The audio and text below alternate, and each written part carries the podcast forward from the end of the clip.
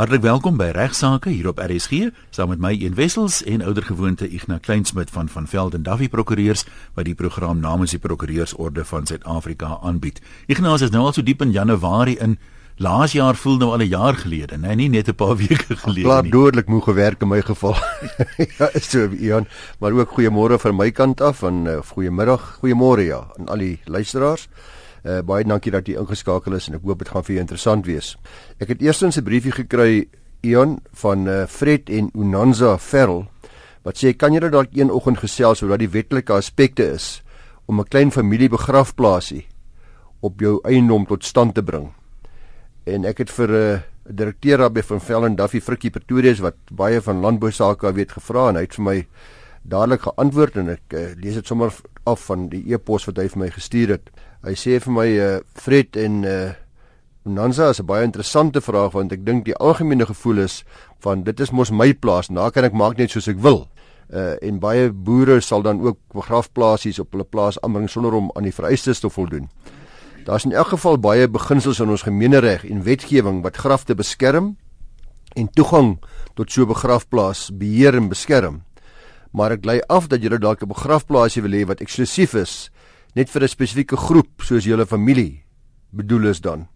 Grafte op privaat eiendom word gereguleer deur artikel 15 van Wet 61 van 2003. Artikel 15 Wet 61 van 2003 en volgens daardie wet moet goedkeuring verkry word deur die munisipaliteit wat jurisdiksie het oor die bepaalde area en dan moet dit ook verder voldoen aan die nasionale omgewingsbestuurswetgewing Dit is die 1998 wet 107 van 1998. Nou artikel 15 van wet 61 van 2003 stel 'n reeks vereistes daar. Ek gaan u nie daarmee vermoei nie. Ons luister daar op myself daarna gaan kyk. 'n Reeks vereistes daar waar die grafte aan moet voldoen voordat dit goedkeuring sal verkry. Verder is munisipaliteite ook gebonde aan hulle eie verordeninge wat wissel van munisipaliteit tot munisipaliteit, maar sluit dit ook 'n proses in wat goedkeuring by die munisipaliteit vereis. So jy moet aan al die vereistes voldoen van die wet, jy moet aansoek doen by die munisipaliteit wat ook hulle eie verordeninge sal sê hoe daardie aansoek moet gebeur en uh, gevolglik kan enige persoon dan 'n begrafplaas oprig op sy privaat eiendom of enige privaat eiendom dien goedkeuring kry van die eienaar as ook van die munisipaliteit. In daai prosesie gaan jy die maklikste uitvind deur die plaaslike bestuur te nader. Jy gaan uitvind hoe lyk hulle verordeninge en dan in daardie verordeninge van hulle sal dan was heel waarskynlik ook die vereistes van artikel 15 in vervat sodat dit blykbaar 'n redelike maklike proses is en ek dink nie jy gaan probleme hê nie. Dis natuurlik 'n ding vir mense wat 'n familie by platteland of so 'n plase, jy weet die oor geslagte, die familiekerkhof is 'n baie goed gevestigde ding. Ek weet nie wat die regulasies was nie, want baie van dit kom nou al 'n paar honderd jaar aan. Jy weet, oupa grootjie is daar begrawe en oupa en pa en so aan. En met dit dat daar wetgewing gekom vir al die omgewingsbeheer wetgewing wat natuurlik belangrik is want jy weet jy kan dit hierdie geld natuurlik vir enige private eiendom. Jy kan ook aansoek doen in die dorp of op 'n plot. En ek dink daardie aansoek sal nie goedgekeur word nie want daar is weer ander omgewingsbeheer vereistes, omgewingsvereistes wat daar 'n rol gaan speel. Uh, maar ek dink op veral plase is dit 'n redelike maklike proses wat wat jy kan volg. Ja, ek het nou die dag 'n brief van 'n vrou gehad wat sê dis nou so gevaarlik by die begraafplase. Uh, haar man het gesê hy moet hom tog net nie in die spesifieke dorp se begraafplaas begrawe nie want daar wil hy nie dood lê nie. So, so ja. daar? Ja nou het ons op die 4de Januarie in 'n program bietjie gepraat oor onderhoud uh, en die afdwinging van onderhoudseise teen pensioenfonde en uh, daar het ek toe gemeld dat dit uh, afgedwing kan word teen pensioenfonde en voorsorgfonde maar nie teen anniteite nie, maar dit 'n eie soortige uh, situasie is. Nou Cornie Bester van Danabaai was so gaaf om vir my daarop te wys dat ek verkeerd is. Dankie Cornie. Uh, Cornie het ook vir my gesag gestuur onder andere hofsaake waarin regter Dion van Sail dit baie duidelik maak dat anniteite ook ingesluit is en uh ook dan bepalinge uh, wat hy vir my gegee het vanaf die pensioen beregter, pensioenfondsberegter wat ook al uh, daarna gekyk het. En as jy na die wet kyk, dink ek is dit baie duidelik dat Dion uh, dat Cornie reg is. So baie dankie. Ek word graag reg gehelp want mens weet nie mens kan ook net leer by ander. Baie dankie daarvoor. Aansluiting daarbey Ignas dink ek ons kan miskien op 'n stadium gesels oor as 'n mens nou aftree, daai uittreë anniteite en voorsorgfondse en goed. Ek het in gister se koerant so 'n klein beriggie gesien oor wetswysigings wat sê voorsorgfondse altyd kon jy al die geld basies vat Maar daar is nou veranderinge. Jy moet vir jou 'n anniteit of 'n pensioen koop van 2/3 net soos by anniteite. Van die 1 Maart af. Ja. Dalk kan ons op die kol net so 'n bietjie as jy wil gaan voorberei by volgende ja. program 'n ja. bietjie daaraan aandag gee. Ek doen dit graag uh, want dit is baie belangrik vir uh, vir die wat op aftrede staan en wat sekere beplanning doen vir hulle aftrede. Want vanaf 1 Maart is daar regtig veranderinge wat 'n uh, besliste invloed gaan hê op mense se aftreebeplanning. En nou kan ons weer 'n bietjie praat oor boedelbeplanning en hoe hierdie nuwe wetgewing dan mense se beplanning gaan raak. Ek maak 'n aantekening ons selfs bietjie daaroor. Ek sal dalk iemand ook 'n kundige dalk ja, saambring. Maak so. Uh dan het ek uh, skrywe hier gekry. As jy dit lees, is 'n brief van Jeremy Pypeer en hy sê die volgende, hy sê my naam is Jeremy. Ek soek net raad oor 'n bank, 'n verband met 'n verbandsooreenkoms. My vrou het verlede jaar afgesterwe en Netbank wil nie haar naam afhaal nie omdat daar nog 'n uitstaande bedrag is op die verband. Is daar iemand met wie ek kan gesels oor dit? Nou ek het hierdie verwys na 'n uh, direkteur daar by van Vel en Duffy Volker Kreer wat al voorheen deelgeneem het en 'n kundige is op hierdie gebied, op die gebied van boedelbeplanning en boedelbereddering. So wat hy eintlik vra is wat gebeur met my uitstaande verband met afsterwe? As ek binne gemeenskap, buite gemeenskap goed onthou, dis gaan 'n verskil maak. Het verbandakte se bepaling is lewensversekering altyd verpligte na die soort van ding. Uh en ek dink 'n vraag wat waarskynlik op vir baie mense van belang is. Ongelukkig sê Volker kan die langslewende gade nie aangaan met die verband nie. Die verband sal wel afgelos moet word, so Netbank is reg hier. Uh of die langslewende gade sal moet aansoek doen vir herfinansiering in slegs sy of haar naam. Ek lei af van Jeremy se verband dit uh dit in sy en sy vrou se name is in van sy briefie. Uh dieselfde sal dus na my mening vir hulle geld sê Volker. Dit is die beginsel ongeag of hulle binne of buite gemeenskap van goedere getroud is. As ek meer as een persoon 'n verbandhouer is en saamlik in 'n verband, dan sal dit van toepassing wees op die persoon wat dan die langslewende is. Wanneer verbandlening toegestaan is, uh, is dit een van die kriteria dat die lener of leners voldoende betaal vermoë moet hê om die maandelikse verbandspaemente te kan dien. Dit spreek van self. En neem seker die gesamentlike inkomste nou dan. My inkomste en jou ja. inkomste, ons doen saam aansoek vir die verband man en vrou sinne. Die inkomste van die leners moet dus voldoende wees om die betaling te kan regverdig. Hulle moet aan sekere kriteria voldoen. Die bank gaan dus herfinansiering vereis sodat oorweeg kan word of die langslewende gade nou voldoende inkomste het om die verbandspaement of sy of haar eie te kan bepaal, te kan betaal uh, hy aanvaar ook dat daar geen lewensversekering by lewe van Jeremy se vrou was nie want as daar natuurlik lewensversekering was is daar geen probleem nie dan was die verband outomaties afgelos. 'n uh, Bank sal dikwels lewensversekering as 'n voorwaarde vereis vir die toestaan van 'n lening. As daar lewensversekering in plek is, dan is daar geen probleem nie, maar dis nie altyd 'n voorvereiste nie. Dit klink uh, in Jeremy se geval of dit nie so was nie waar nie 'n verband was nie, want dan sou die vraag nie ontstaan het nie en in so 'n geval as dit 'n langslewende gade waar daar ook nie voldoende uh, fondse in die boedel is om die verband af te los nie of ander geld om die verband uh, te delg nie, dan ongelukkig moet aansoek doen om herfinansiering en uh, sal hulle nie die bank kan kwaliek neem as hulle daardie vereiste aan homstel nie. So Jeremy, jammer, dit is sleg dis vir jou, maar dit is ongelukkig hoe die situasie is. Dit miskien net ek weet ons sê altyd voorsorg is beter as nasorg. So as 'n mens enigsins daai finansier of daai uh, versekering vir bandversekering kan bekom, dink ek is dit 'n opsie wat 'n mens maar in gedagte moet hou want uh, dit kan jou in die warm water laat daarsonder. En ek meen as u die een van die twee partye dan nou sterf ten minste het jy dan eintlik geen probleme verder wat die afbetaling van die eiendom betref nie. Ja, dis baie belangrik. Ek dink is amper noodsaaklik soos jy sê dat mense dit maar moet oorweeg om dit te doen. Uh my indruk is dat dit al hoe meer amper vereiste raak vir 'n verbandslening om goed voor die goedgekeur word of saam met goedkeuring dat u ook moet versekerings uitneem. Nou banke sal dikwels die indruk skep dat u verplig is om by hulle die versekerings uit te neem of by hulle versekeraars en uh hulle laat dit so klink asof dit nou sommer een van die normale dokumente is wat jy moet teken, maar die goeie nuus is dat u nie verplig is om by hulle die versekerings uit te neem nie, dat u kan gaan in die mark kyk wat beskikbaar is of wat goedkoop vir versekerings is of by u makelaar gaan vasstel of hy dalk vir die ander versekerings kan gee, maar u sal wel moet voldoen aan die vereistes as hulle dit vra, maar nie noodwendig by hulle nie. So dis ook nogal 'n slaggat waarin baie trap en dan dikwels uh, vind hulle dan uit dat hulle eintlik goedkoper versekerings by ander plekke kon kry. Dan het ons 'n uh, baie interessante uitspraak gekry op geselde selde geslag uh verhoudinge en erflatings wat daarmee gepaard gaan in die Noord-Gautengse Hof in Pretoria het onlangs die erkenning gegee aan die reg van 'n Pretoria se kunstenaar om te erf vanaf sy sy gade, sy selfe geslag gade uh, waar die sonder 'n testament te sterwe gekom het. So intestate erfreg was hier van toepassing. Uh dieselfde geslagverbintenisse luisteraars het reeds erkenning geniet toe 'n wet in 2006 gepromulgeer is wat dit moontlik gemaak het om mense van dieselfde geslag vir hulle om in die huwelik te tree. Uh die verhouding kan dus geformaliseer word, maar volgens hierdie wet moet dit dan voldoen aan die vereistes wat in die wet uiteengesit word om te kwalifiseer as huwelik. Dit behels maar 'n sekere registrasieproses en na registrasie geniet so huwelik tussen selfde geslag mense dan presies dieselfde status as 'n heteroseksuele huwelik. Maar nou het hier 'n ander ding gebeur. Nou is hierdie persoon oorlede. Daar's geen testament nie. Intestaat in hierdie geval was daar ook nie 'n uh, die registrasieproses gevolg wat hierdie wet van 2006 verg voordat die huwelik erken word as huwelik nie.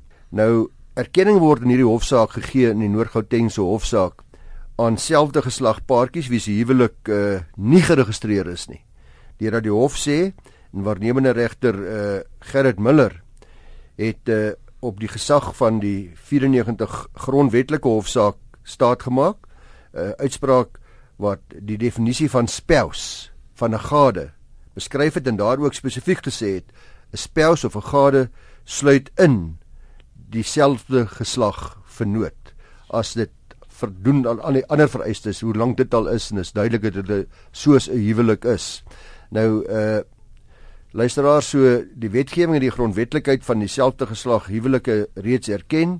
Die regter beslis dan dat verdoeleindes van die intestate erfreg die langslewende uh gade of in hierdie geval vernoot dan noem dit nou maar wat jy wil uh, beskou moet word as die gade of eggenoot soos 'n huwelik en kan hy of sy dus erf by afsterwe as daar nie 'n testament was nie. So weer eens 'n uitbreiding wat baie duidelik uh, al hoe meer en meer word in ons howe van die regte van mense in selfde geslag verbintenisse. Dit laat my dink op 'n stadium met iemand gesê as jy nou begin studeer in die regte.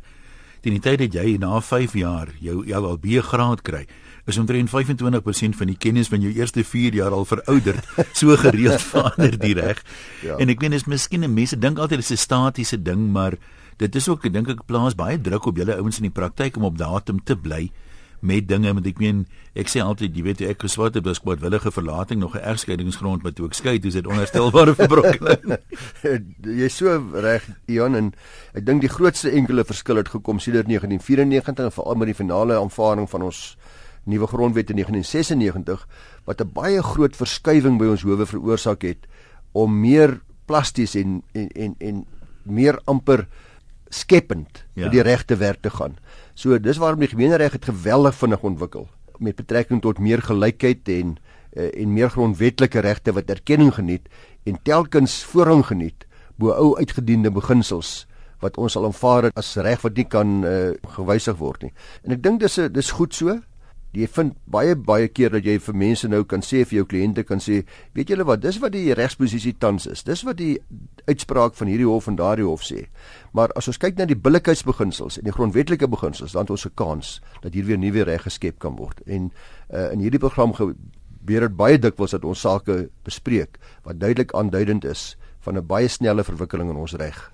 Daar is onlangs deur ons minister van justisie Michael Masuta gesê dat regters moet hulle eerder nie uitlaat oor politieke vraagstukke nie. Hy het in 'n onderhoud gesê dis kommerwekkend dat regters en ek dink hy het meer verwys na afgetrede regters uh, betrokke raak by litigasie teen die staat namens burgerregte organisasies en hulle openbaar oor wat hy genoem blaatante politieke vraagstukke uitlaat. En hy gee dit toe, daar's nog altyd 'n mate van spanning, al 'n groter wordende mate van spanning tussen die uitvoerende gesag en die regbank en ons het weer daar's onlangs was daar gesprekke gewees daaroor tussen die minister en die hoofregter en dat dit weer so bietjie genormaliseer en afgekoel. Maar dink maar aan die Omar al-Bashir debakel en hoe die regbank en en en en oudregters ook daarop gereageer het.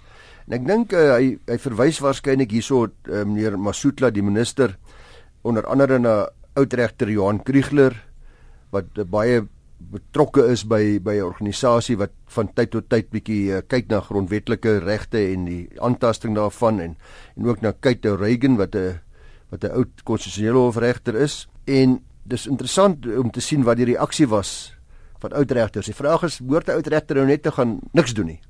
Mag hy nou nie meer praat nie? Is dit nou is dit nou wat die minister bedoel? En uh oud regter Johan Kriegler wat onder andere op 'n stadium gesê het dat president Jacob Zuma gebruik 'n tirannie van die meerderheid om die howe te ontduik uh, in sy hantering van die Nakanda saak. Uh, hy het gesê hy stem saam uh, dat oud regters hulle nie behoort te in te meng met partytetiek nie, maar sê hy hulle sekerlik geregtig uh, daarop om hulle oor die politiek uit te spreek. Nou word jy moet nou nie kleinlike politiek betrokke raak aan 'n party dinge nie, maar jy jy hoef ook nie stil te bly nie. Hy sê regters en oud regters verloor nie hulle reg op spraakvryheid net omdat hulle regters of oud regters is nie. Oud uh, omroepers blykbaar ook nie. hy sê hy verwys onder andere na oud regter Kate Reagan wat in die ouderdom van 52 uh, opgehou het om regter te wees na 'n termynverstrekke was by die grondwethof en uh, sy's uh, lid baie belangrike lid dink ek van 'n organisasie uh, CASAC K C A S A K dis 'n grondwet waghondorganisasie wat hom gereeld na die howe toe wend, wat gereeld uh, aansoeke bring en en en en sake aanhangig maak oor omstrede besluite van die uitvoerende gesag. Nou sê regter uh, Kriegler tereg, hy sê nou moet regter oud regter Oregon nou dan maar handjies gevou sit of moet sy sit en brei? Wat moet sy nou met haar lewe doen? Uh, so, ja, dit, dit voel tog vir my ek meen hierdie mense het 'n wonderlike kombinasie van opleiding en ervaring en insig met die jare verwerf wat hulle kan as meningsvormers miskien mense help om ingeligte opinies te vorm en dis iets wat ons baie nodig het want die gemiddelde ou het nodig dat mense vir ons op 'n manier sê dit en dit en dit is die storie dat jy ingeligte opinie daaroor kan vorm. Ja, ek dink die die een uh, argument of 'n moontlike argument, ek spekuleer net maar 'n bietjie wat die regering het of die mhm. minister het, omdat hy dink hy is nog die baas van regters en oud regters omdat hulle nog steeds salaris kry. Jy weet 'n oud regter nadat jy ek dink 10 jaar 'n regter was, dan kry jy daarna die volle salaris en voordele soos wat 'n regter normaalweg sou hê nadat jy afgetree is. So jou pensioen is fantasties. Uh, dit maar jy kry nog steeds die volle inkomste nou. uh, Oud regter uh, Zak Jakob wat 'n baie bekende en 'n baie bekwame regter is. Hy het ook gesê die regering dink tog nie omdat hulle hulle volle salarisse betaal, besit hulle ons nie. Dit sal totaal belaglik wees. Natuurlik is hy absoluut reg. Uh, hy sê sy standpunt is dat regters kommentaar mag lewer op regeringssake en politieke partye. Hulle mag sê as die regering reg is, hulle mag sê net soos hulle voel dat die regering nie reg is nie. Uh en dit is regter Jakob se standpunt. Uh die grondwetkenner uh Marinus Wiegers, professor Marinus Wiegers het gesê dat dit 'n absolute ontkenning van menswaardigheid van regters wees. As 'n mens nou skielik moet sê hulle is gediskwalifiseer om deel te neem aan die debat in Suid-Afrika of om aktief aan die politiek deel te neem. Uh dis onsinnig sê, dis verregaande. Hulle kan tog nie van hulle burgerregte afstand doen nie. Dis mos gekheid. Nou ek uh, ego dit en ek dink uh, almal van ons die, die prokureursberoep sal waarskynlik saamstem dat mense nie van regters kan verwag soos wat die minister insinueer of gesuggereer het dat hulle nou net nie meer hulle kundigheid met ons mag deel nie. Ag, as dit 'n baie eenvoudige oplossing. Ek meen as die regters net saamstem met die uitvoerende gesag, sal die uitvoerende gesag nooit die nodigheid hê om te meng. Ja. ja, ja iets wat altyd vir 'n mens aan die hart ruk is wanneer daar kinders by hospitale omgeruil word. Nou op 2 Augustus 2010 na hulle geboorte by uh, in in 'n hospitaal, staatshospitaal in Johannesburg is twee kinders omgeruil. Een van die vroue het die pa van haar kinders in 2013 gedagvaar vir onderhoud. Dis hoe dit nou toe uitgekom het. Want daar moes 'n vaderskap toets gedoen word. Hy sê toe nee, maar hy wil eers seker maak hy is die pa en haar word jou vaderskapstoets gedoen en getoon nog die vrou nog die man is verwant aan hulle kind. Nou uh, dit was natuurlik 'n groot skok dat dit toe in die lig gekom het ondersoek dat die twee kinders by geboorte in die hospitaal omgeruil is. Nou uh, kom ons sê net maar die meisie bekend is M en die seentjie bekend is Z. Dit mee gebeur.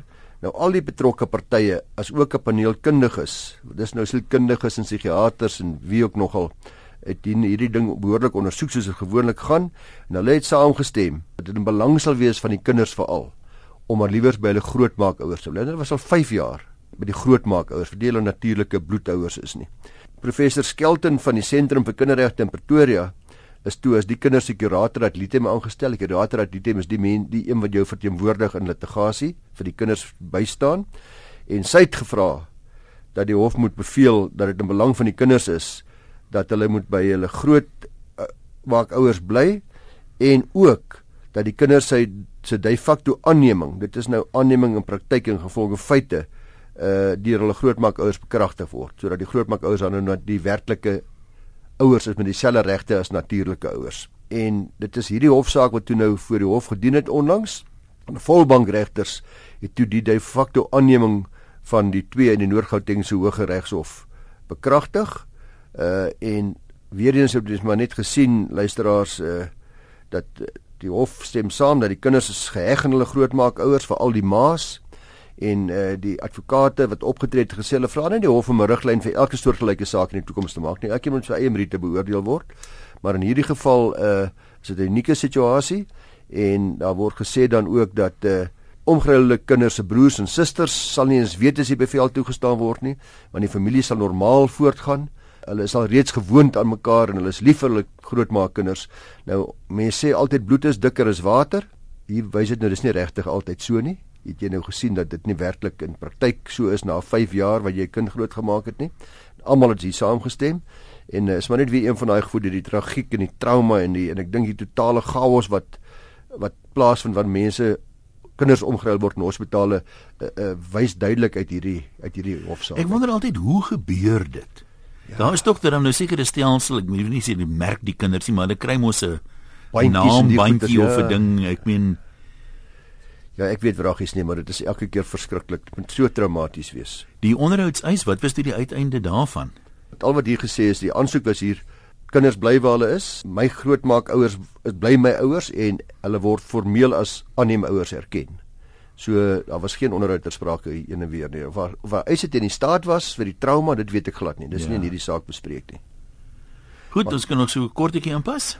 Hierdie dame sê dat uh, sy eintlik 'n brief van jou geskryf. Sy sê Ian, ek verneem graag wat die regstatus is van eskeringsbevele vis-à-vis kontrakte. In hierdie geval die opname toelatingsvorm by 'n plaaslike hospitaal wat na die datum van eskering gesluit is. Die saak handel oor meneer en mevrou B, weet wat 'n ongeleeslike siekte, veelvoudige sklerose ly. Die partye is 6 jaar gelede na huwelik van 25 jaar geskei en daar's 'n skikkingsreënkoms aangegaan. En die skikkingsreënkoms sê the plaintiff will keep defendant on his medical scheme for the rest of his of her life or until she remarries and will pay all medical and dental related expenses of the defendant. So die verweerde res sal op die mediese skema bly en die ander party sal al die mediese kostes betaal. Sy is toe in die hospitaal opgeneem en ontslaan omdat die mediese voordele uitgeput was. Sy het nou 'n rekening van die hospitaal ontvang van R3900 vir 'n gedeelte van die koste wat nie deur die mediese fonds gedek was nie en uh, sy het toe vir die hospitaal gaan wys, maar hier's my skikkingsooreenkoms. My man moet dit eintlik betaal. As 'n hofbevel wat sê my eks moet dit betaal en sy het die omstandighede uiteengesit en nou voel die luisteraar was waarskynlik 'n vriendin is wat die brief skryf. Uh die hospitaal hou egter vol dat sy verantwoordelik is vir die kostes en weier om eers die skikkingsooreenkoms na te kyk of dit of die terme daarvan te aanvaar. Nou ongelukkig dame, uh se vrou Nel, uh, die hospitaal is 100% reg. As ek uh na hospitaal toe gaan, uh dan kontrakteer ek as individu met die hospitaal. En nou word ek as 'n privaat persoon. Uh ditselfde met dokters. Al die dokters in hospitale is oor die inkomste maak dit baie duidelik wanneer jy 'n dokter gaan spreek en en, en hy hy behandel dat alhoewel hy 'n mediese fonds is, uh, is dat u self persoonlik nog ja, steeds aanspreeklikheid ja. is vir alle kostes of soos mens reg kan sê al het iemand anders dit onderneem of nie. Nou hulle sal dikwels eis van die mediese fonds. Hulle onderneem om te eis. Hulle sê ons sal namens jou by jou mediese fonds eis mevrou moenie bekommerd wees nie of jy hospitaal sal eis, maar dan kom dit nou terug soos in hierdie geval as jy die hospitaal is die eis die fonds is uitgeput, daar's 'n bedrag wat u steeds altyd persoonlik aanspreeklik voorbly. So u kontrak sal so sê. Uh, en ek dink dis ook net billik dat dit so moet wees, want uit die aard van die saak sê byvoorbeeld ek gaan 'n reëling aan met 'n boemelaar, dat hy my motor wat ek gaan koop sal betaal. Kan tog nooit wees nie. Watter watter motorhandelaar gaan my motor verkoop of van my dienste lewer as ek sê die boemelaar gaan betaal. Uh hulle het niks te doen met met jou kontrakte en jou egskeiding en jou ooreenkomste en jou hofbevele wat jy het nie. U gaan direk met hulle kontrak aan. Dis ongelukkig sal die dame moet opdok, maar natuurlik verloor sy nie haar eis teen haar eks nie. in terme van die hofbevel nie. So as hy nie wil betaal of nie stiptelik betaal nie en sy moet namens hom betaal, dan het sy die reg om dit van hom weer te vorder kragtens 'n siviele eis. Dis alwaar vir ons gaan tyd hê vandag. Ignas baie dankie. Ons praat volgende maandag weer.